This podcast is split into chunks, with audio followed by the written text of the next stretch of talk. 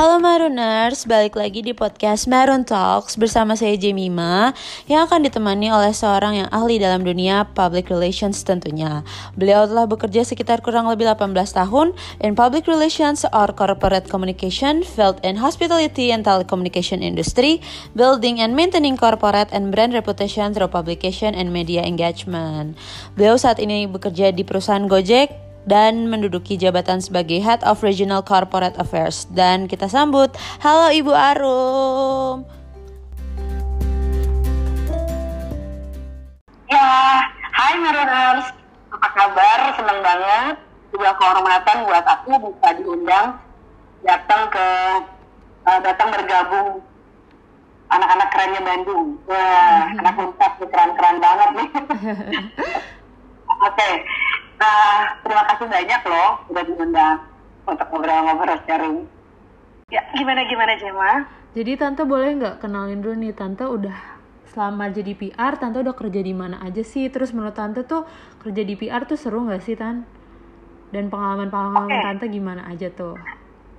Oke, okay, sebenarnya aku di aku ini udah bulan depan setahun ya di Gojek bertanggung jawab untuk tugas corporate affairs ya tapi untuk di regional maksudnya adalah di wilayah wilayah operasionalnya Gojek kebetulan aku dipercayakan untuk daerah Banten Jawa Barat uh, Jawa Tengah dan daerah istimewa Yogyakarta.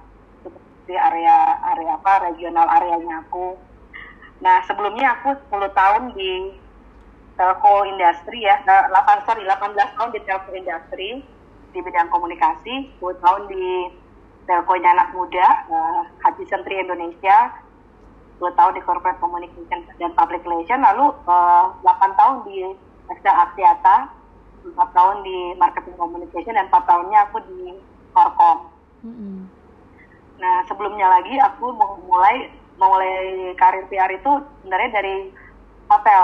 Aku berapa empat tahunan lebih ya aku di hotel di bidang public relation tapi Pak PR di hotel tuh lebih banyak ke marketing communication walaupun ada sedikit-sedikit bobot PR-nya nah itu uh, aku empat tahun lebih dan memulai di hotel itu di hotel bintang 5 itu sebagai uh, kayak PR assistant atau admin gitu ya hmm. support.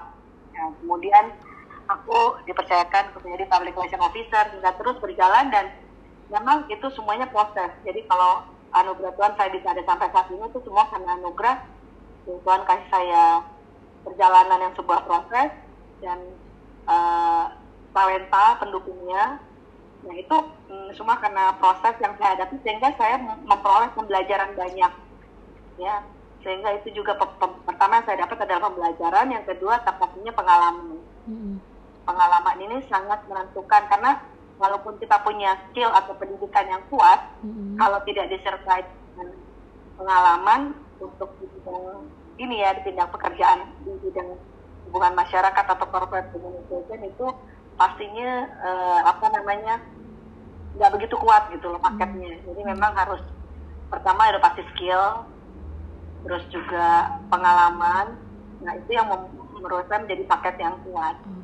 Nah paket penunjangnya lagi adalah selain uh, skill dan pengalaman adalah kita nggak pernah mau berhenti belajar. Hmm gitu ya. Harus belajar dan belajar dan belajar terus gitu. Harus punya waktu untuk belajar. Learning itu nggak pernah berhenti. Learning itu mempelajari dari sisi apa ya insight yang ada di sekitar kita. Ya, insight dari industri insight pergerakan secara umum. Jadi uh, memperoleh banyak referensi itu penting.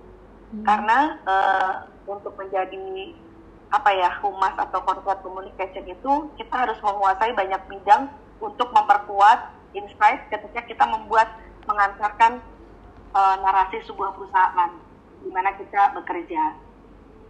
Ya karena kan ujung-ujungnya kita harus memanage reputasi perusahaan. Mm-hmm. ya itu yang yang secara umumnya nah hal lainnya lagi adalah uh, pertama pembelajaran yang yang saya hadapi uh, menarik buat saya dunia bahkan dunia komunikasi itu menarik ya challenging karena dinamikanya sangat dinamikanya sangat tinggi gitu ya. Uh, saya belajar banyak tentang karena kan sebenarnya di bidang humas atau komunikasi itu sebenarnya tiga poin ya. Yang pertama adalah apa yang mau kita sampaikan, kita mau bicara, mau tujukan ke siapa, hmm. dan mediumnya seperti apa. Itu kan sebenarnya basic dari basic dari komunikasi kan itu dulu ya. Yeah. Kita mau ngomong apa, kita mau tujukan ke siapa, terus kita pakai medium apa. Lalu dibungkus secara bungkusan tiga poin, tiga elemen itu kita bungkus nih. Kita bungkus dengan dengan cara gimana ya kita mendelivernya. Nah tentunya dibarengi dengan riset-riset dengan insight yang harus kuat, yang berorientasi kepada uh, arah bisnis perusahaan, terus uh, bagaimana uh, pekerjaan yang kita kita apa kerjakan itu bisa menunjang bisnis perusahaan, bagaimana bisa menyasar stakeholder. Hmm. Stakeholders itu adalah siapa sih sebenarnya yang dituju dalam kita mengantarkan narasi perusahaan ini. Stakeholder dalam satu perusahaan macam-macam. Nah, tentunya ketika kita melakukan sebuah uh, aktivitas yang sifatnya kehumasan maupun komunikasi itu satu perusahaan pasti beda dengan perusahaan yang lain karena masing-masing perusahaan punya arahan bisnis yang berbeda punya visi dan misi yang berbeda-beda bidang apa industrinya pun beda-beda jadi tapi dari semua perbedaan-perbedaan itu yang paling utama adalah satu itu bagaimana kita mengemas narasinya apa mediumnya apa yang mau kita tujukan ke siapa hmm. nah sehingga bisa membentuk bagaimana how how we want it itunya tuh mengemasnya tuh akan seperti apa bagaimananya hmm. ini jadi menarik gitu ya karena itu sebenarnya uh, ketika kita bekerja di mana pun itu itu menjadi prinsip dasarnya. Lalu bagaimana itu macam-macam. Bisa melalui relasi yang kita buat yang kita lakukan pemilihan channel yang tepat ya. Sehingga konsep dari sebuah komunikasi yang menuju untuk apa ya uh, menjaga reputasi perusahaan. Lalu bagaimana uh, kita menjaga reputasi perusahaan tetap positif dan awareness maupun penerimaan publik terhadap perusahaan di mana kita bekerja itu tetap positif. Nah itu kan uh, tentunya tentunya itu menjadi basic. Tapi masing-masing ketika aplikasinya nanti di lapangan tentunya akan berbeda-beda ketika kita berada di perusahaan mana. Karena pasti arahan bisnis itu sangat berpengaruh. Ya kemudian industrinya juga sangat berpengaruh gitu. ya kurang lebih itu tadi uh, yang aku bisa sampaikan secara overall uh, apa namanya prinsip dasarnya dan uh, dan bagaimana aku membangun karir. Nah menariknya lagi ini sebenarnya buat aku uh, menarik banget. Ya bukan berarti di sebelumnya aku kan bekerja di industri yang berbeda tapi sebenarnya basicnya sama yaitu hmm. teknologi digital. Ya di sebelumnya aku di teknologi telco tapi juga berbasis digital. Sekarang di uh, perusahaan yang beda dengan telco tapi sebenarnya punya teknologi digital dasarnya. Jadi hmm. jadi uh, buat aku itu lompatan yang yang yang menarik gitu ya. Uh, pertama aku ada sebuah kebanggaan bergabung di Gojek karena Gojek itu adalah karya anak bangsa. Ya jadi sebuah kebanggaan buat aku hmm. kehormatan bisa bergabung di situ. Dan yang kedua lagi uh, Gojek itu didirikan oleh Mas Nadim Mas Nadim Makarim sekarang jadi Mas Menteri ya. Dengan visi misinya tuh jelas. Salah satu salah satu misinya tuh yang menarik buat kita dan hampir semua kita karyawan namanya Gotrup dari sebutnya hampir semua Gotrup tuh bilang bahwa uh, kita tuh bangga jadi Gojek, juga jadi Gojek karena Gojek itu punya misi untuk memberikan damp dampak sosial seluas-luasnya kepada masyarakat di mana pun Gojek beroperasi, gitu ya. Hmm. Bahkan Gojek sudah menembus di Vietnam, di Thailand, di Singapura ya. Jadi uh, uh, uh, apa namanya buat saya, buat saya adalah kebanggaan di situ bahwa kita bisa memberikan dampak sosial bagi masyarakat. Ya, itu yang membedakan itu ya. Yang sangat sangat buat saya sebuah kebanggaan. Nah, misi-misinya yang lain adalah uh, Gojek itu menjadi solutif gitu. Solutif artinya uh, setiap orang itu kan punya friksi hmm. dalam hidupnya ya. Ada kalau bahasa lainnya pain point. Masing-masing kita punya pain point. Jema punya pain point, aku punya pain point, semua punya friksi. Nah, Gojek tuh hadir dengan super app-nya itu, itu menjadi solusi gitu, solutif gitu, solusi bagi banyak pihak, bagi semua stakeholdernya. Sehingga segala macam bentuk friksi hidupnya itu bisa bisa disolusikan oleh Gojek. Hmm. Dari mulai bangun tidur sampai mau tidur gitu semuanya. Sekarang Jema mau makan, mau minum. Sekarang kita di rumah aja juga hmm. nggak hmm. punya kendala karena ada uh, ada super app-nya Gojek ya super app itu maksudnya adalah bahwa ekosistem lengkap gitu di dalamnya uh, ada ada elemen-elemen yang besar sehingga memudahkan hidup setiap orang gitu iya, untuk untuk menjalankan hidupnya menjalankan kesehariannya gitu berasa gitu nggak sih Jemma? Berasa banget tante. Jadi, ya, berat ya jadi akhirnya saya mendapatnya adalah bahwa dinamikanya besar gitu di Gojek di mana kita nggak hanya fokus kepada stakeholdernya banyak mm-hmm.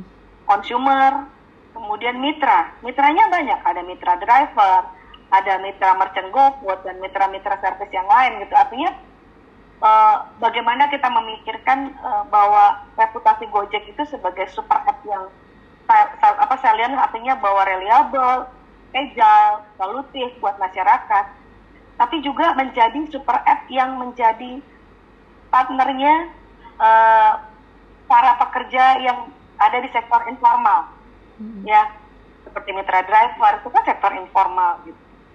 Bahwa kita adalah partnernya mereka untuk sama-sama sehingga memberikan pendapatan yang baik buat mereka, artinya kehidupan yang lebih baik. Dan kita bagaimana bisa mengangkat UMKM UMKM GoFood maupun UMKM yang menjual menggunakan lembaran GoPay sehingga mereka bisa naik kelas karena mereka uh, mengembangkan usahanya menggunakan teknologi digital gitu. Jadi artinya uh, dinamikanya sangat menarik gitu ya. Bagaimana narasi-narasi yang harus kita sampaikan ke publik bahwa uh, para mitra ini adalah uh, bagian dari super app-nya Gojek yang memberikan solusi buat masyarakat. Ya, Nah terus kaitannya kerjaan aku apa gitu. Mm -hmm. Nah kaitannya kerjaan aku di sini adalah corporate affairs itu yang ekspektasi dari sebuah di perusahaan ini adalah bahwa aku menjadi pertama paling tidak mewakili perusahaan untuk berhubungan atau berelasi atau melakukan uh, apa namanya berhubungan atau berelasi dengan pihak-pihak eksternal. Jadi aku ditempatkan di regional itu sebagai mewakili korporasi sebagai wajahnya korporasi ketika kita berhubungan dengan publik di luar eksternal. Mm -hmm. Nah berhubungan itu dalam artian apa? Bertugas sebagai otomatis juru bicara ya. Mm-hmm. Ya itu turunannya. Jadi intinya bahwa bagaimana saya bisa menjaga reputasi perusahaan di regional saya dan bagaimana saya harus mengkomunikasikan atau menyampaikan uh, reputasi yang dibangun melalui narasi atau komunikasi yang saya buat sehingga uh, stakeholder yang kita tuju, stakeholder siapa aja, pemerintah, mitra, consumer, ya nggak sih, kemudian media sebagai channelnya kita, itu bisa mendapatkan persepsi yang baik tentang Gojek, mendapatkan uh, apa memperkuat bahwa reputasinya Gojek sesuai dengan apa yang kita sampaikan. Jadi kurang lebih itu yang uh, konsep pekerjaan saya seperti apa, ya dan di sini uh, di sini ada fungsi konsultatif, ada fungsi saya berelasi, ada fungsi saya berkomunikasi. Buat saya itu uh, sebuah pekerjaan yang sangat dinamik dan bukan pekerjaan yang mudah, tapi menarik untuk digeluti, dijalanin gitu ya. Nah, terus skill apa yang diperlukan untuk pekerjaan saya ini? Pertama yang udah pasti uh, analytical itu harus ada Kenapa analytical harus ada? Analytic, sense of analytical karena saya harus menganalisa banyak hal. Pertama, dari uh, sisi pemberitaan yang ada, saya harus lihat itu sentimen-sentimen yang berkembang baik di media maupun di sosial media, ya. dan menganalisa pergerakan-pergerakan bisnis, menganalisa pergerakan kompetitor, menganalisa uh, bagaimana bisnis yang ada di region, bagian seperti apa sehingga itu menjadi basic dari segala sesuatu yang harus kita lakukan. Ya, jadi pertama adalah kemampuan untuk melakukan analisa atau analytical sense. Jadi, terus yang kedua apa yang bisa yang yang yang apa namanya hmm, kemampuan pertama adalah kemampuan bagaimana uh, menulis sudah harus pasti ya. Menulis itu udah basic banget. Harus bisa menulis karena kita dituntut untuk membuat sebuah narasi atau membuat narasi besar atau narasi turunan ya dari setiap apa yang mau kita sampaikan. Bagaimana kita men menerjemahkan narasi dari kantor pusat sehingga bisa relevan dengan narasi di regional ya di, di, di, di kantor regional kita sehingga bisa sampai sesuai dengan stakeholder yang kita tuju ya. Narasi di sini maksudnya adalah message atau messagingnya. Hmm. Dan bagaimana kita mengcreate sebuah story sehingga story itu bisa memperkuat reputasi kita, sehingga story itu bisa memperkuat uh, apa namanya reputasi dan persepsi yang baik tentang layanan-layanan Gojek sehingga ujung-ujungnya bisa membantu bisnis di uh, di level operasional ya. Jadi itu yang pertama adalah skill analytical, yang kedua adalah skill menulis ya. Terus yang ketiga skill untuk kita berelasi. Berelasi dalam artian kita ke internal dan ke eksternal ya. Mm, Ke internal artinya apa? Karena pekerjaan kerjaan aku itu di internal itu stakeholdernya atau usernya itu banyak. Aku harus engage dengan corporate, uh, dengan tim consumer engagement atau brand marketing, aku harus engage dengan teman-teman di, di level operasional hmm. ataupun head regionalnya. Jadi mereka kan punya banyak banyak banyak banyak kebutuhan dan ekspektasi yang harus aku uh, harus aku dapat sehingga hmm. apa yang aku lakukan itu sesuai sejalan dengan apa yang mereka planning atau mereka rencanakan. Jadi memang pertama adalah kemampuan untuk berelasi. Berelasi dengan internal itu penting, kemampuan kita berkomunikasi jangan sampai kita orang komunikasi jadi miscommunication gitu Betul. ya padahal kita orang komunikasi yeah. ya. jadi pertama bagaimana kita mengget mengcater mengcater semua needs dari teman-teman di regional ya atau di dalam sebuah organisasi di internal sehingga kita bisa mengemas dengan benar sesuai dengan objektif sama goal yang mau di uh, uh, yang mau kita uh, uh, uh, yang mau kita tuju yang kita mau raih achievementnya biar sama nih hmm. ya kan jadi itu uh, kemampuan berelasi dan berkomunikasi dengan internal dan kema kemampuan berelasi dan berkomunikasi dengan pihak luar ya. Pihak luar itu siapa aja? Banyak.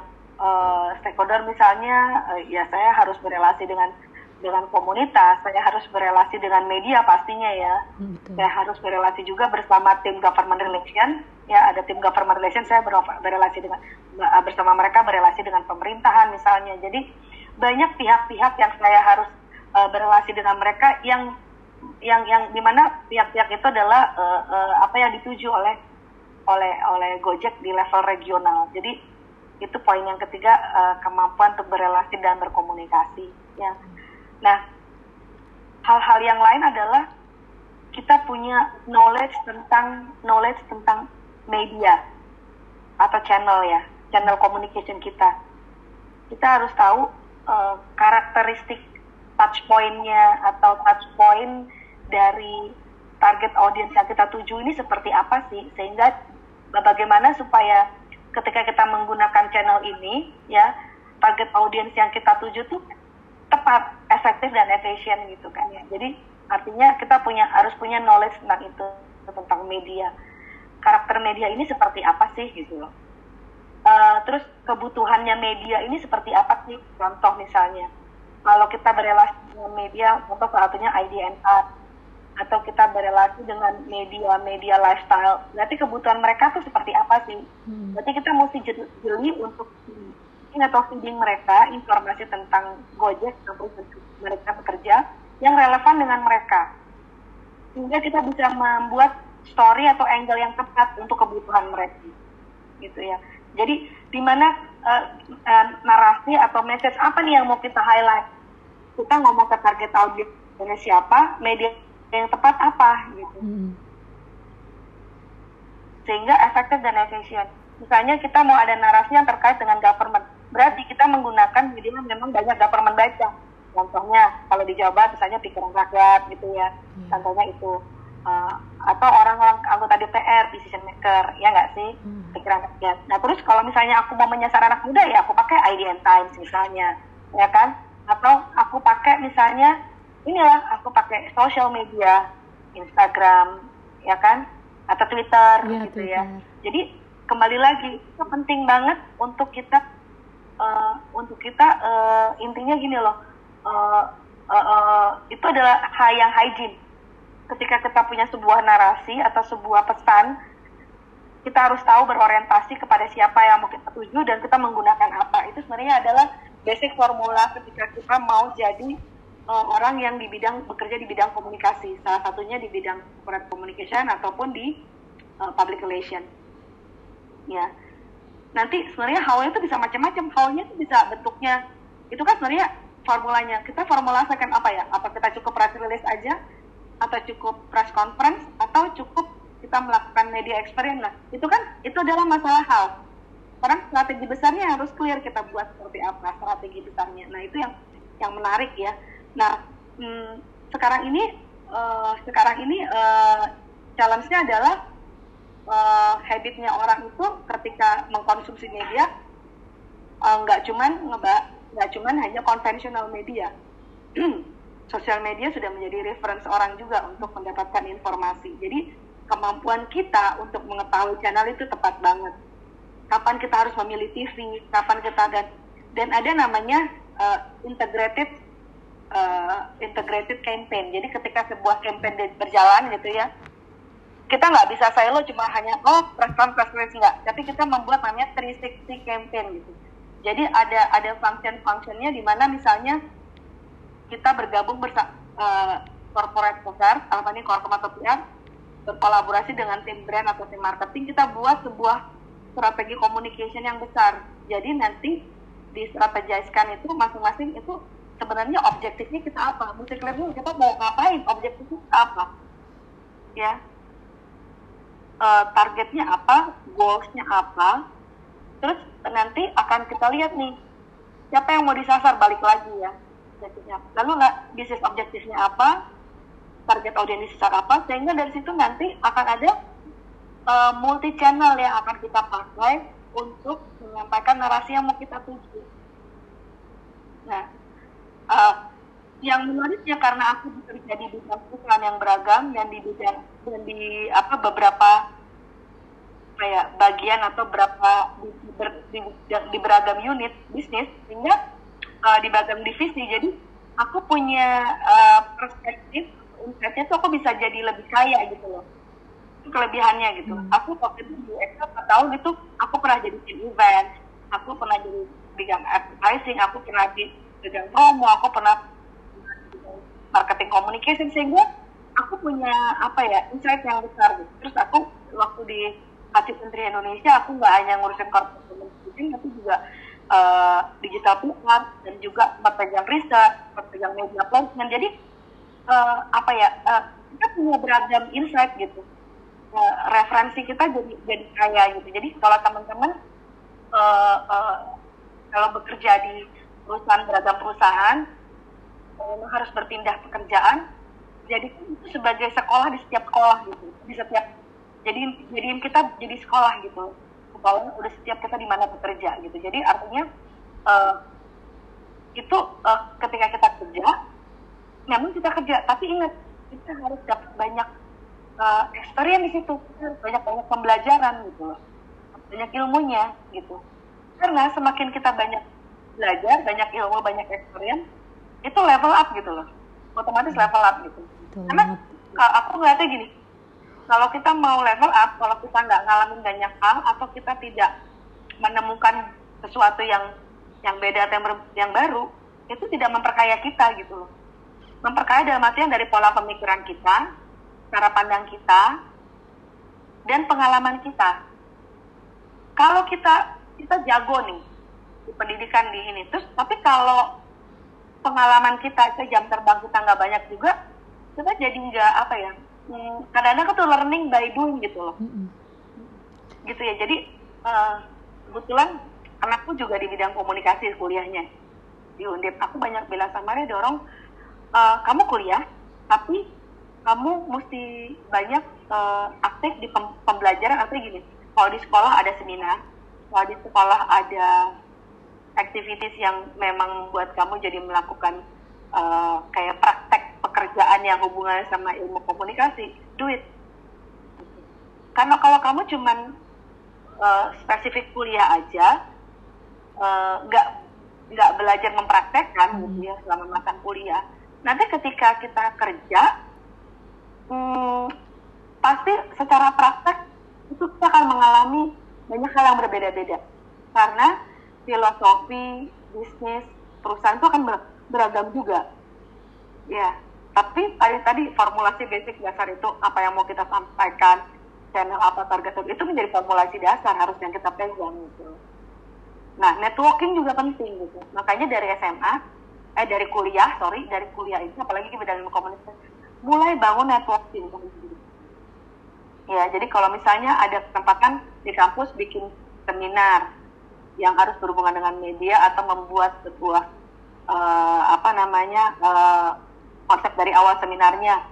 Topiknya apa siapa yang berbicara itu kan sebenarnya masuk ke dalam bagian what you want to say who want to who want to be apa you, you targeted terus kemudian how to how to deliver your message. Itu kan sebenarnya sebuah uh, yang udah formula dasar ketika kita mau bikin seminar. Atau kita lagi mau bikin konten apa gitu di misalnya konten tentang uh, uh, go green gitu. Go green di kampus. Kita kan dari awal objektifnya apa? Ya kan? Yeah. kita udah mulai menyusun strategi komunikasi kan sebenarnya itu. Nah jadi hal yang kayak gitu ikutin di kampus gitu. Nah, akan lebih bagus lagi sebenarnya eh, kampus-kampus uh, atau universitas yang punya bidang ilmu komunikasi nggak hanya bobotnya cuma hanya teori. Jadi sebenarnya uh, kayak project-project gitu ya, tugas-tugas by project itu bagus banget loh melatih. Karena apa nantinya di dunianya nanti dunianya kita akan banyak mengalami project. Iya, lebih banyak praktek ya tante.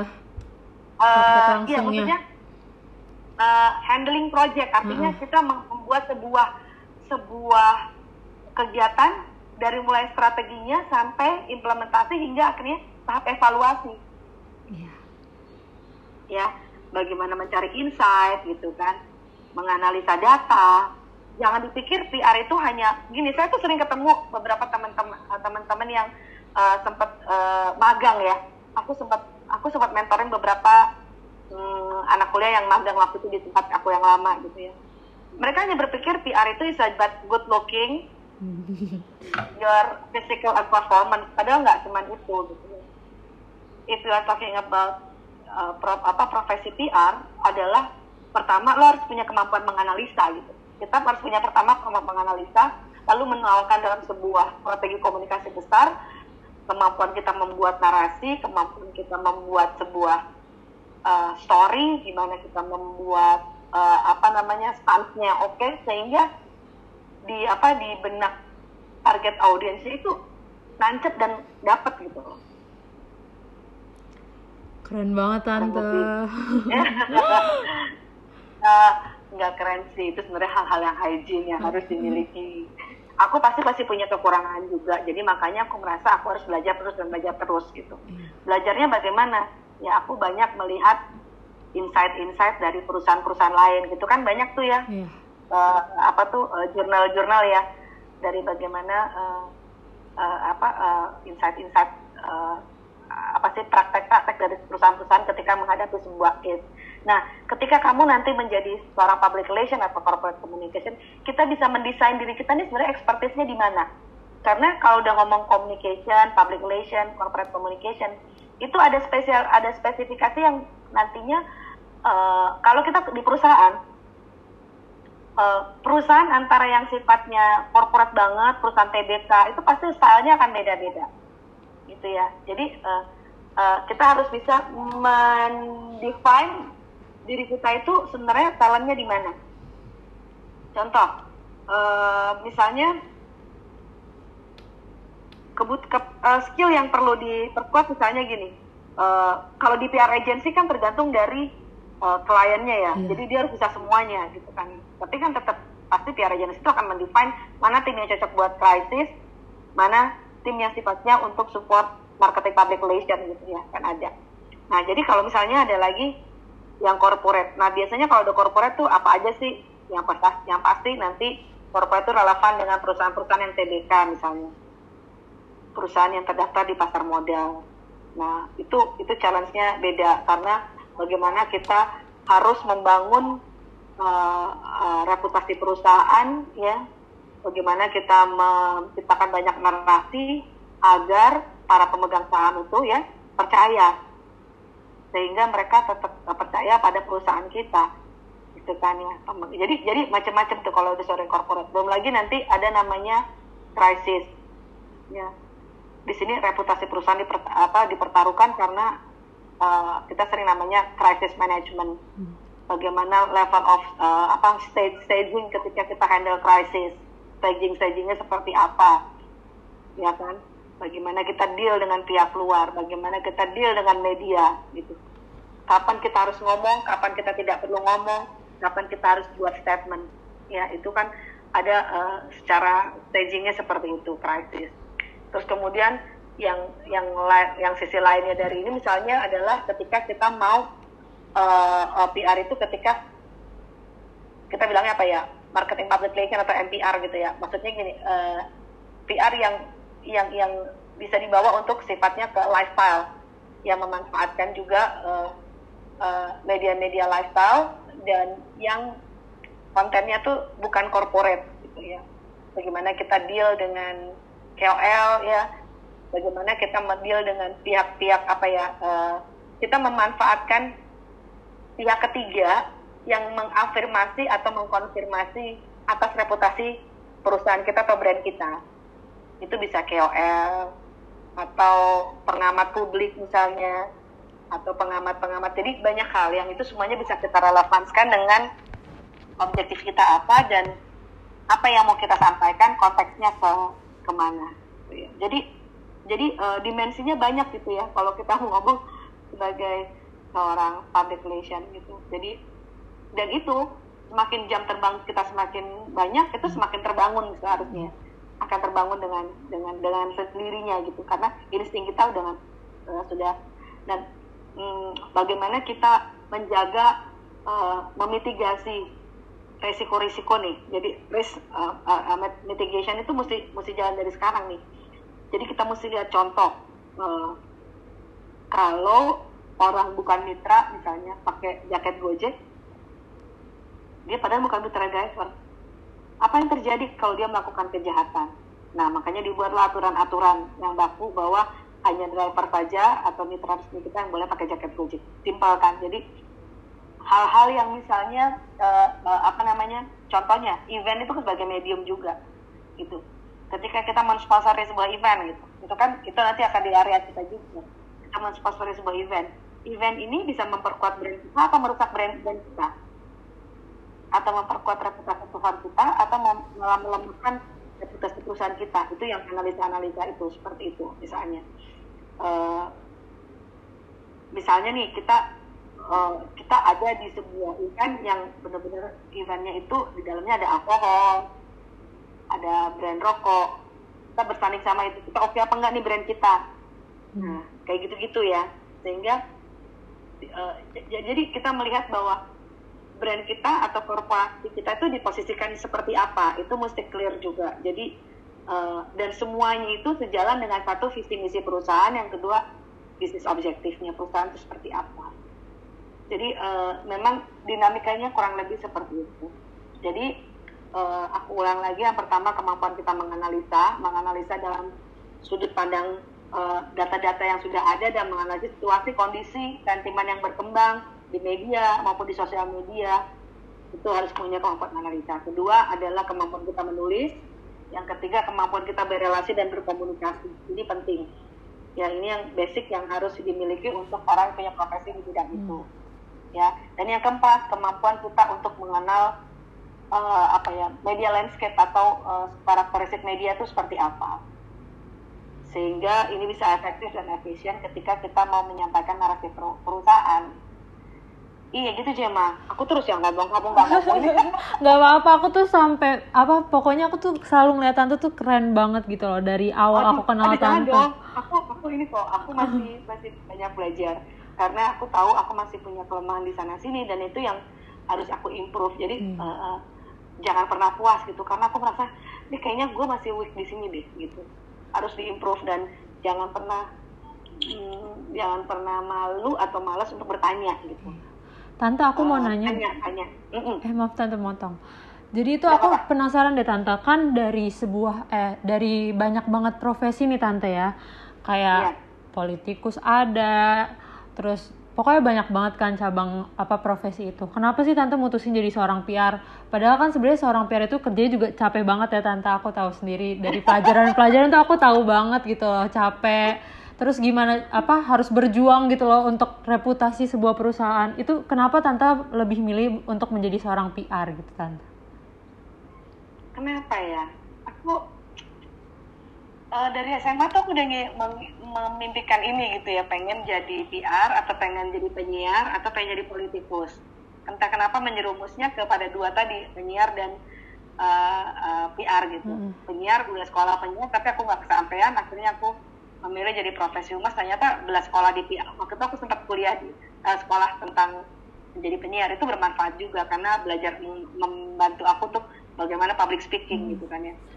Uh, buat aku pertama ya bekerja di bidang ini tuh aku merasa passion aku sesuai.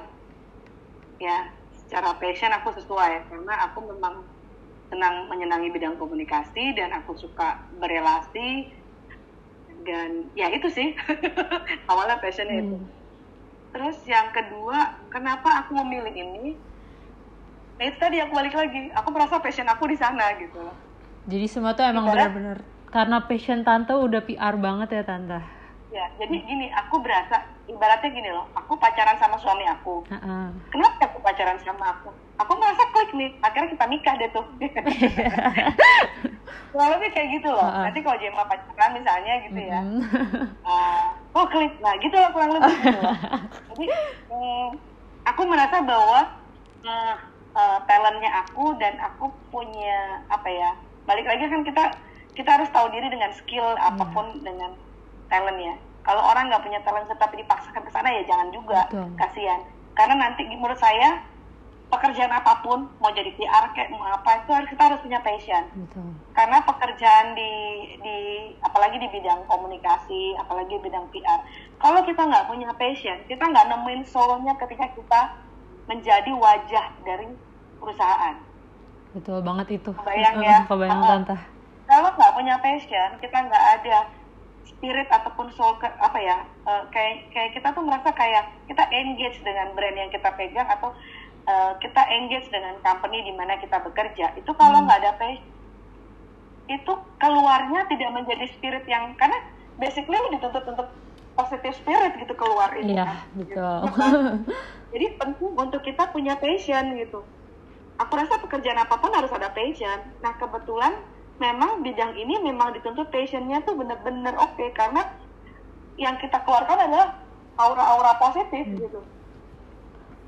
Terus tante, kan kalau ya. seorang PR itu tentu kan harus hmm. apa jago banget ya bicara gitu-gitu. Nah, sedangkan tuh banyak banget loh tante kayak misalnya uh, misalnya ada nih orang kasusnya gini, ada orang pengen banget jadi PR tapi tuh dia dari dari sisi nulis tuh jago gitu loh. Dari sisi analisis tuh jago. Tapi untuk ngomong di publik tuh masih agak susah belibet gitu tuh gimana ya tante cara ngatasinnya? Sebenarnya gini sih kalau menurut aku ya eh, kan ada dalam satu PR tuh bisa ada satu PR tim ya. Hmm. menurut saya sih kalau udah punya kemampuan analisa kemampuan menulis tapi dia tidak bisa bicara bisa aja kok jadi PR oh bisa aja tapi dia membidangi strateginya gitu loh. Oh jadi emang harus ada ada sisi lain yang dia jago gitu ya tante istilahnya. Iya, jadi tapi spesifik karena kan uh, bisa jadi dia harus jadi orang strategi planning, mm. planner gitu, strategi atau planner. Jadi dia strategi itu semua, nanti tinggal di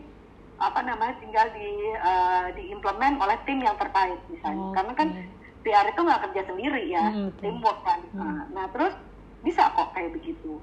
Pengalaman aku ya, yeah. ada analisa aku karena itu bisa. Terus ada yang bilang gini gue tuh jago berelasi loh. Gue jago ngelobi tapi gue nggak bisa nulis.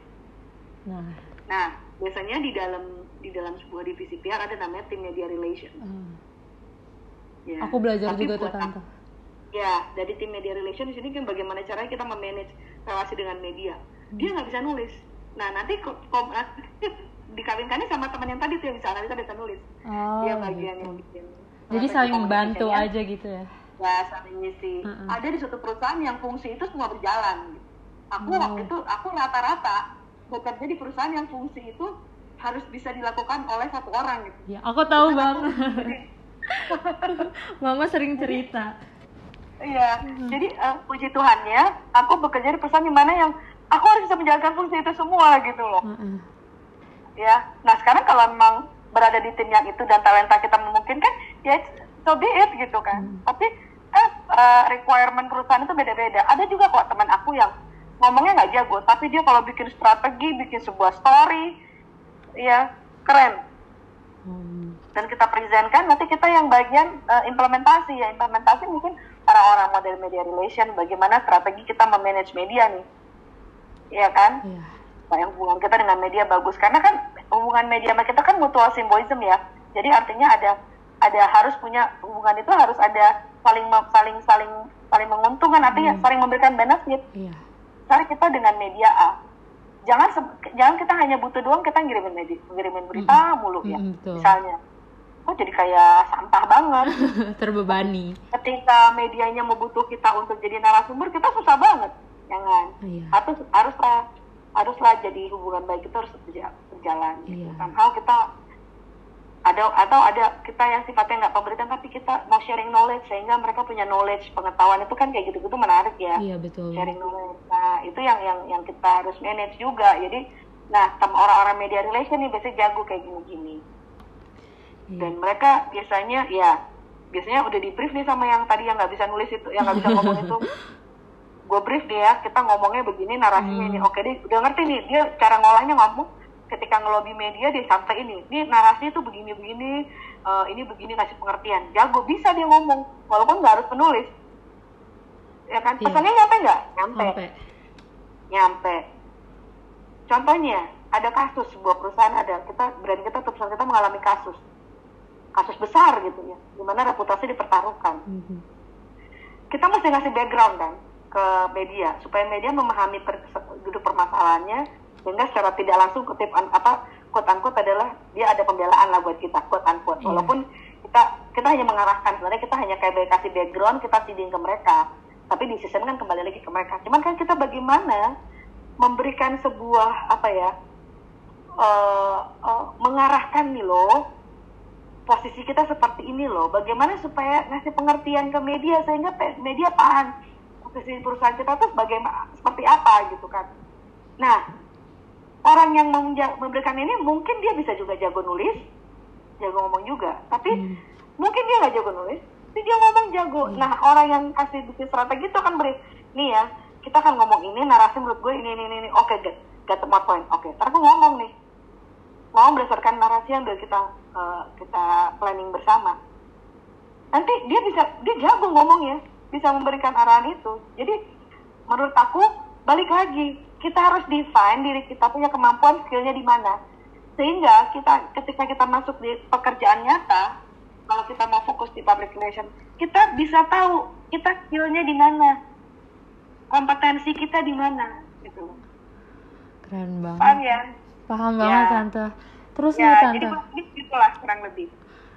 Uh, boleh nanya lagi nggak tante nih kira-kira? Boleh dong. Okay kan tante nih dari awal tante kerja tuh aku udah lihat tadi di LinkedIn tante udah baca itu semua rata-rata perusahaan bagus banget kan perusahaan ternama semua dari hotel mulia Senayan terus tante di apa XL pindah ke Tri terus sekarang juga di Gojek yang benar-benar megang banget kan tante saat ini Terus menurut Tante tuh ada gak sih Tante selama Tante udah bekerja sepanjang ini suka dukanya tuh apa aja Tante? Maksudnya kesulitan-kesulitan apa sih? Karena kan tadi Tante uh, sendirian ceritakan kalau apa setiap perusahaan itu tentu punya budayanya masing-masing dan caranya masing-masing kan tante. Nah menurut tante tuh paling sulit di mana dan kalau boleh tahu alasan tante kenapa gitu?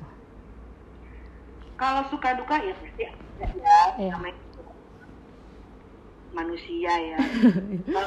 saya nggak bisa bilang bahwa perusahaan ini lebih baik, perusahaan itu lebih baik. Saya nggak bisa ngomong itu karena uh -uh. balik lagi kan perusahaan masing-masing beda ya uh -uh. arah di arahan bisnisnya. Kita kan nggak bisa ngatur dong bahwa gue pengen begini dong perusahaan nggak bisa. Justru kita harus support perusahaan itu. Betul. Perusahaan di mana kita bekerja. Jadi buat saya kalaupun ada tantangan yang harus saya hadapi di setiap perusahaan anggap aja itu sebagai sebuah peluang. Ya kan? Hmm. ketika sebuah tantangan ya ya kita memang hidup itu diperhadapkan dengan tantangan. Kalau nggak kalau nggak ada tantangan kita nggak level up terus iya, kan? Betul Jadi, banget. artinya uh, kita nggak mengalami pembelajaran karena mistake itu membuat kita learning kalau hmm. kita nggak punya mistake ya kita nggak belajar apa-apa dong dari situ yeah. jadi buat aku masih menurut aku perusahaan di mana aku bekerja sebelumnya itu masing-masing punya punya uh, konsep sendiri-sendiri ya iya. dari sisi bisnis maupun dari budaya perusahaannya jadi visi misinya juga jadi buat aku kalaupun pasti aku mengalami tantangan di dalamnya kalaupun aku mengalami tantangan aku melihatnya itu sebagai peluang untuk uh, room to growth-nya aku buat melakukan improvement gitu ya. Uh, uh, itu yang pertama. Terus uh, aku menurut aku tidak fair tidak bijaksana kalau aku membandingkan satu dengan yang lainnya ya. Hmm. lagi sebuah perusahaan itu pasti punya kekuatan sendiri-sendiri gitu ya.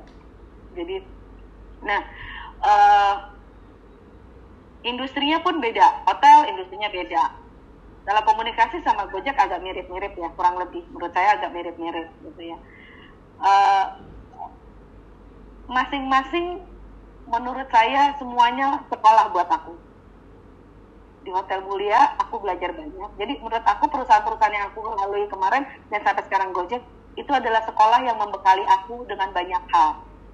Ya yang memperkaya pola pandang aku memperkaya skill aku ya. Sehingga aku kalau menghadapi apa pun ke depan itu aku ingat oh aku pernah dulu begini. Kalaupun aku menghadapi sesuatu yang baru ya pasti tantangannya ketika aku menghadapi uh, case-case ataupun hal-hal yang baru atau tuntutan yang baru tentu itu sebuah tantangan buat aku. Tentunya ada ada demandnya dari company beda dan lebih beda itu tantangan buat aku kadang-kadang aku juga merasa kok capek ya gitu nah, secara manusia aku nggak gitu tapi aku ingat lagi aku tuh dapat pekerjaan itu namanya berkat. Iya betul. Ya. Berkat Ketika dari Tuhan. aku aku balik lagi uh, bukannya so religius tapi aku balik lagi ketika aku dipeker, dipeker, apa dipekerjakan atau bekerja dipercayakan bekerja di perusahaan yang menurut aku bukan perusahaan kecil ya reputasinya itu buat aku adalah anugerah dan berkat dan kita harus mensyukuri itu iya. perwujudannya apa lakukan yang terbaik dalam pekerjaan kita hmm. ya dengan berkontribusi dengan positif dengan semangat yang positif itu buat saya itu sebenarnya pekerjaan di mana pun harus kita lakukan seperti itu yeah. gitu. jadi uh, apa ya semangat dan spirit kita tetap, tetap positif tetap bagus gitu sehingga output yang keluar dari hasil kita itu kontribusi kita pun akan tetap positif gitu jadi uh, kurang lebih itu sih. Yeah. kalaupun aku bisa bekerja di perusahaan-perusahaan itu uh, memang ketika aku pindah atau aku memilih pekerjaan atau perusahaan aku pasti melihat background perusahaannya dulu. Ya yang secara jangka panjang seperti apa sih perusahaannya. Ya karena uh, aku bukan tipe kutu loncat lihat ya. Aku kerja kan 4 tahun 8 tahun 10 tahun. Iya. jadi uh, jadi aku kerja itu sebenarnya pengennya nggak mau nggak mau kutu loncat gitu. Jadi aku akan melihat perusahaan yang punya prospek jangka panjang. Betul. aku melihatnya seperti itu. Mungkin orang beda-beda ya yeah. tapi kalau saya secara pribadi saya melihatnya seperti itu gitu. Uh, bahwa saya bekerja orientasinya jangka panjang dan kedua juga saya bekerja bagaimana saya bisa memaksimalkan mengeksplorasi diri saya bisa lebih maksimal kalaupun nanti saya dapat karir lebih itu buat saya bonus ya kalau saya dipercaya untuk ada karir pengembangan karir itu buat saya bonus tapi tidak menjadi target tujuan utama gitu. Yeah. Saya puji Tuhan, puji Tuhan, bukan dari perusahaan besar saya nggak target gue harus jadi dia nggak ada tuh. Yang penting do your best, contribute, maintain your maintain your passion gitu. Jadi flame-nya tetap positif. Balik lagi kalau memang saya dipercaya untuk ada karir path saya bagus ya itu bonus anugerah dari Tuhan berarti berkat yang saya terima dari apa yang sudah saya lakukan. Kalau saya simpel-simpel itu aja sih. Nah, suka duka duka yang lain adalah pastinya waktu saya akan banyak kerja di pekerjaan ya karena kan paling tidak saya harus banyak standby ya puji Tuhan uh, ya suami saya ya sejauh ini sih paham ya dengan kondisi pekerjaan ya. Tapi ya kayaknya cukup tahu diri lah ya sama keluarga. Kapan saya harus bisa meluangkan waktu untuk keluarga? Itu saya harus cukup tahu diri gitu ya. Nah, secara kualitas. Saat ini saat ini saya hmm, di tengah kesibukan ini uh, dua hal sih yang saya mau yang mau saya saya tetap harus luangkan waktu adalah satu pastinya uh, ya oke okay, pekerjaan itu udah suatu kewajiban yang on duty uh, pertama ya saya harus punya waktu untuk Tuhan itu yang pasti. Itu waktu buat Tuhan buat saya penting gitu ya. Waktu buat Tuhan itu adalah dalam bentuk relasi saya dengan dia dan dalam bentuk apa yang bisa saya lakukan untuk melayani dia gitu ya. Terus yang kedua adalah ya keluarga. Ya penting itu keluarga. Dan yang ketiga sebenarnya pekerjaan. Ya cuma kadang-kadang suka kebalik-balik tapi saya suka ingatin lagi eh gitu ya. Nah waktu dan that's why that's why uh, ini walaupun saya di tengah kesibukan kerjaan saya saya tetap harus bisa meluangkan waktu untuk bisa melayani Tuhan dan bisa meluangkan waktu untuk keluarga itu yang harus saya kayak semacam kayak ini ini ya karena mungkin dulu waktu saya masih muda saya nggak banyak meluangkan itu Betul. ya jadi uh, itu sih yang yang yang yang yang secara pribadi ya buat saya ya hmm. uh, terus uh, buat saya ya sekarang anak-anak saya udah besar-besar mereka tumbuh dengan mandiri karena mungkin lihat mamanya udah biasa bekerja dari mereka dari mereka. Bahkan saya sedang dari hamil sampai sekarang tuh saya nggak pernah berhenti bekerja. Jadi wow. saya dari dulu sebelum nikah sampai sekarang tuh saya bekerja terus gitu. Puji Tuhan ya itu anugerah berkat gitu. Nggak ada break gitu istilahnya ya. Itu buat satu anugerah besar banget yang harus disyukuri gitu. Nah anak saya uh, yang pertama itu kuliah sekarang lagi pengen skripsi bidang ilmunya komunikasi di Undip uh, terus yang nomor dua itu masuk SMP tahun ini. Jadi persiapan untuk masuk SMP mereka sangat mandiri. Uh, ya puji Tuhan buat anugerah. Saya kemarin sempat ada berapa ya 8 bulan tinggal di Semarang. Bareng anakku yang kuliah di Semarang. Karena saya harus tempatkan kantor pusat di Semarang. Nah sekarang tahun ini saya di Bekasi, tapi saya bergerak di provinsi-provinsi itu. Nah, selama COVID-19 ini, uh, selama pandemi ini, saya WFH. Puji Tuhan uh, jadi GoTroops di jadi GoTroops itu sama sekali karena Gojek itu peduli banget gitu ya untuk apa? Untuk uh, bagaimana concern terhadap uh, karyawannya. Hmm. Itu sebuah kebanggaan buat saya gitu ya. Jadi nggak hanya concern kepada mitranya, tapi juga concern sama karyawannya. Mempunyai concern yang sama levelnya gitu.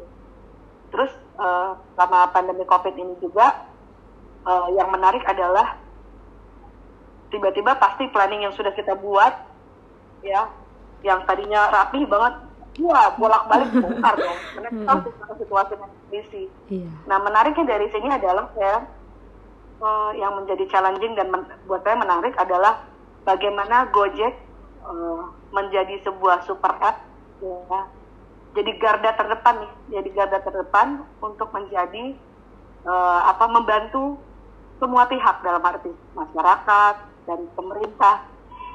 Di stage pertama kita menjadi garda terdepan bagi seluruh stakeholder untuk menjadi uh, apa uh, uh, bahwa kami itu bisa jadi solusi membantu masyarakat menghadapi pandemi ini. Iya. Karena mereka harus tetap produktif, mereka harus tetap beraktivitas tapi di rumah saja.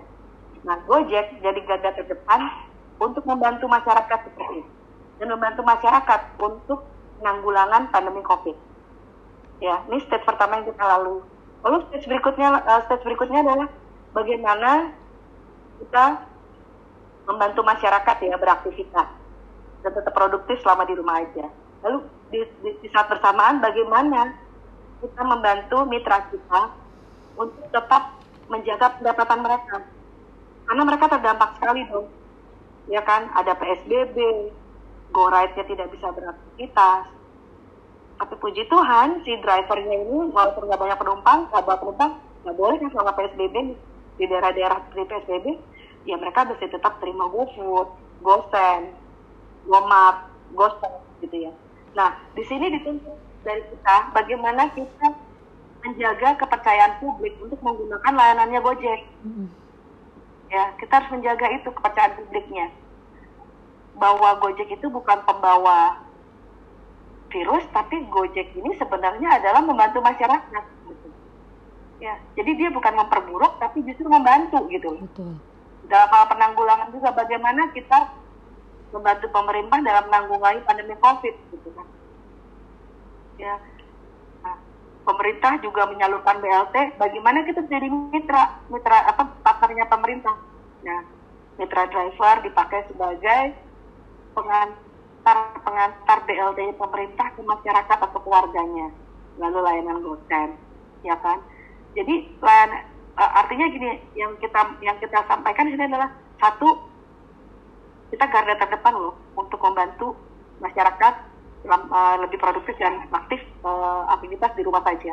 Nggak usah keluar keluar dengan demikian kita membantu dong penanggulangan pandemi covid ya kan mengurangi penyebaran covid karena orang memang harus di rumah aja. Itu itu kan set awalnya itu. Nah terus uh, lalu yang kita sampaikan juga adalah kita harus membangun kepercayaan. Artinya apa? Bahwa mitra kita itu dibekali oleh protokol kesehatan. Gojek diberikan edukasi sehingga mereka itu eh, layanan Gojek itu beroperasi dengan protokol kesehatan yang sesuai dari peraturan pemerintah. Ada hand sanitizer-nya, kendaraannya didisinfektan. Nah itu yang harus kita komunikasikan terus menerus. Hmm. Ya menggunakan channel apa pun karena kita mau menyasar ke semua pihak. Ya kan. Nah terus kemudian stage berikutnya adalah ketika saat ini masuk ke uh, transisi new normal. Ya, yang kita mesti ingat adalah ini kita tetap jadi mitra pemerintah nih. Pemerintah percaya sama Gojek, Gojek itu adalah mitra pemerintah untuk uh, bagaimana membantu mereka menanggulangi COVID-19. Ya kan? Nah, terus kemudian lagi uh, kita harus meyakinkan masyarakat luas bahwa mitra kita itu beroperasi dengan protokol kesehatan. Jadi unsur higienitas, safety-nya oke. Okay. Terus merchant GoFood kita juga ketika memberikan layanan ke pelanggan, menyiapkan masakan, mereka juga mempersiapkannya dengan standar protokol kesehatan. Sanitasinya kita bantu paket sanitasinya karena kalau mereka harus beli kan berat juga. Iya betul. Ya paket sanitasinya kita kasih. Borite juga ke driver juga kita kasih. Bahkan diberikan sekat di dalam mobil bokar atau sekat di motor. Ya. Jadi upaya-upaya seperti itu yang kita harus secara intensif harus kita uh, gitu, kita sampaikan gitu ya.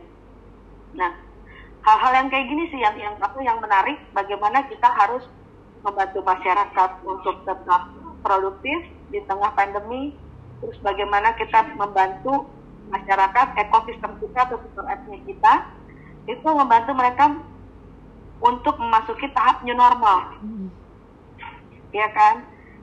Banyak inisiatif-inisiatif yang kita punya. Contohnya adalah ada fitur untuk mengetahui apakah driver kita ini motornya udah didesainkan atau belum. Terus suhunya bagaimana jadi mereka sudah di checkpoint di posko aman bersama Gojek.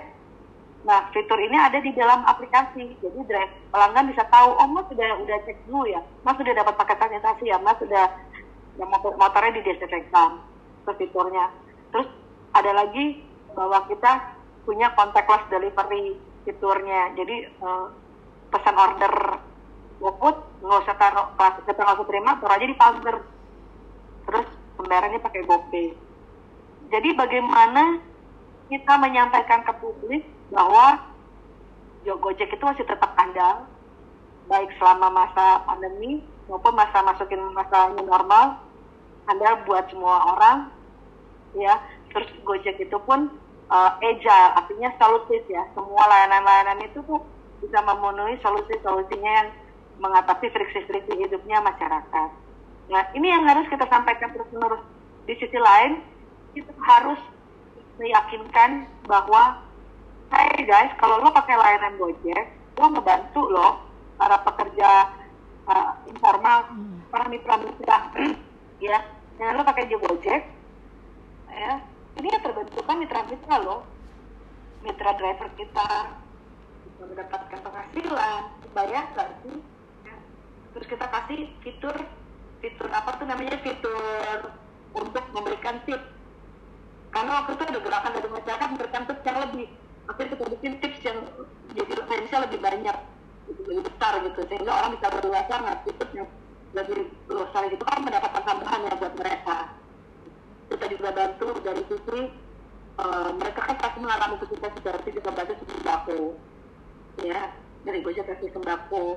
Nah, jadi Ramadan kemarin kita kasih paket makan bersama keluarga, paket makan bertiga untuk buka puasa bersama. Hmm. Yang disediakan oleh merchant, juga memberikan subsidi kepada apa, memberikan pendanaan kepada merchant, nah merchant, merchant GoFood itu menyiapkan makanan sehingga makanan itu bisa diridim oleh driver jadi banyak hal inisiatif yang harus kita lakukan yang meng-highlight satu tadi jaga terpadu membantu masyarakat di tengah pandemi dan masih dengan normal yang kedua bagaimana kita menjaga uh, pendapatan dari mitra kita dan pendapatan mitra driver maupun mitra robot.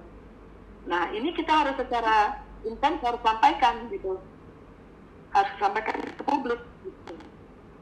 supaya apa reputasi Gojek sebagai super app yang handal ya memberikan solusi dan dipercaya oleh semua pihak mitra itu tetap kuat. Nah, bagaimana kita mengukur dari apa yang kita lakukan? Nah, harus ada measurementnya, ada toolsnya kita pakai, misalnya berupa riset. Ya, jadi riset-riset itu yang mengkonfirmasi, oh ternyata yang yang corporate software tim communication lakukan itu ternyata achieve loh, meet the meet the expectation. Karena kita kan set dulu dong, kita set dulu objektifnya apa, nanti kita targetnya akan seperti apa, sehingga ketika diukur kita akan lihat oh anda apa achieve ya atas atas target yang mau dicapai. Targetnya dalam artian misalnya kita menjangkau 80 persen uh, anak muda misalnya. Atau kita mau pemberitaan kita itu ternyata mencapai berapa persen share of voice-nya gitu berapa persen dibandingkan industri misalnya. Jadi banyak hal banyak hal yang jadi kita buat pun nggak cuma asal buat harus diukur. Gitu kan harus terukur sehingga uh, antara objektif dan pencapaian kita itu sesuai. Jadi yang kita lakukan sesuai dengan objektifnya. Jadi jangan asal ngelakuin tapi nggak lihat objektifnya nih. Terus pencapaiannya mau seperti apa? Nah kita dikatakan sukses atau tidak sukses kan dari situ. Betul banget ya tante. Um, ya aku juga bilang ke anakku juga itu ke sekolah. Hmm. pertama kita harus kenali diri kita itu kita punya uh, apa ya kita punya kompetensi atau skill kita tuh di mana. Sehingga ini akan menentukan kita nantinya uh, akan masuk di bidang PR itu PR yang seperti apa. Di perusahaan seperti apa. Ya. Nah jadi kita harus tahu nih gue strengthnya di mana ya. Ya gitu. Dan uh, dan dari sekarang harus mulai baik, sering baik senang baca udah pasti. Baca referensi. Terus nulis udah mulai. Blog misalnya ya. Uh, atau jadi uh, sering-sering sering-sering nulis kalau misalnya uh, ada kebutuhan di kampus untuk buat misalnya membuat newsletter atau bikin semacam uh, untuk hari dipercayakan untuk bikin website atau misalnya dipercayakan untuk membuat uh, blog misalnya atau harus untuk memanage sosial media. Ya jadi itu itu uh, uh, uh, apa namanya itu sebagai ladang yang bagus untuk kita belajar. Praktek ya. Jadi mengasah kemampuan kita menulis bahasa Inggris sudah pasti itu standar ya ya. Terus tahu perkembangan tren media. Uh, tren media seperti apa sih? Ya. Uh, terus itu tadi ya uh, networking. Networking dari sekarang udah mulai berrelasi dengan banyak orang. Ya nggak menutup kemungkinan teman kuliah kita besok mungkin kerja di media mana. Yeah. atau kerja di perusahaan mana. Jadi banyak hubungan ya, yeah. banyak hubungan. Ya, terus uh, biasain minimal sehari itu kita baca banyak, baca perkembangan. Jadi kita tahu sebenarnya tren tren isu di Indonesia itu uh -uh, per hari ini tuh apa sih? Trending topik apa sih? Ya, ikutin Twitter deh sama TV ikutin berita-berita yang kayak model kanal detik ya kan? Detik kompas.com gitu. Ikutin. Karena biasanya kalau trending di Twitter di sosial media pasti di itu juga trending juga. Jadi sebenarnya sekarang lagi tren apa? Waktu belajar menganalisa. Karena kita biasanya kita meng menganalisa isu juga. Jadi uh, isu itu kita lihat dari pemberitaan-pemberitaan yang beredar. Artikel yang beredar dari situ kan kita lihat ini mengerucutnya ke mana? Contoh kecil kok tiba-tiba nah tiba-tiba kok rame ya? Uh, orang ngomongin tentang uh, ngomong siapa ya misalnya uh, orang tiba-tiba kok ngomongin tentang uh, gaji gaji apa gaji seorang eksekutif gitu. Eh nggak lama kok muncul ada yang men menyangkal gitu ada yang menyangkal ini ini kenapa ya ada hubungannya nggak ya gitu ya atau lagi misalnya tiba-tiba tiba-tiba muncul uh, isu tentang uh, susu susu merek X itu ternyata mengandung lemak babi. Mm -hmm. Rame ini dibicarain. Terus nggak lama, coba liatin deh, apa action dari brandnya si susu ini. Ya, eh nggak lama kok ada yang muncul lagi bahwa sebenarnya uh, nggak mungkin susu lemak babi itu ada di susu. Jadi ada yang nge-balance kan? Iya. Nah itu konteksnya. Nah ini kira-kira yang pro atau yang negatif atau yang kontra ya? Nah, ini pro atau kontra ya? Itu kira-kira namanya menganalisa itu yang kita lakukan. Ya jadi uh, itu yang kira-kira itu sebenarnya pekerjaannya PR salah satunya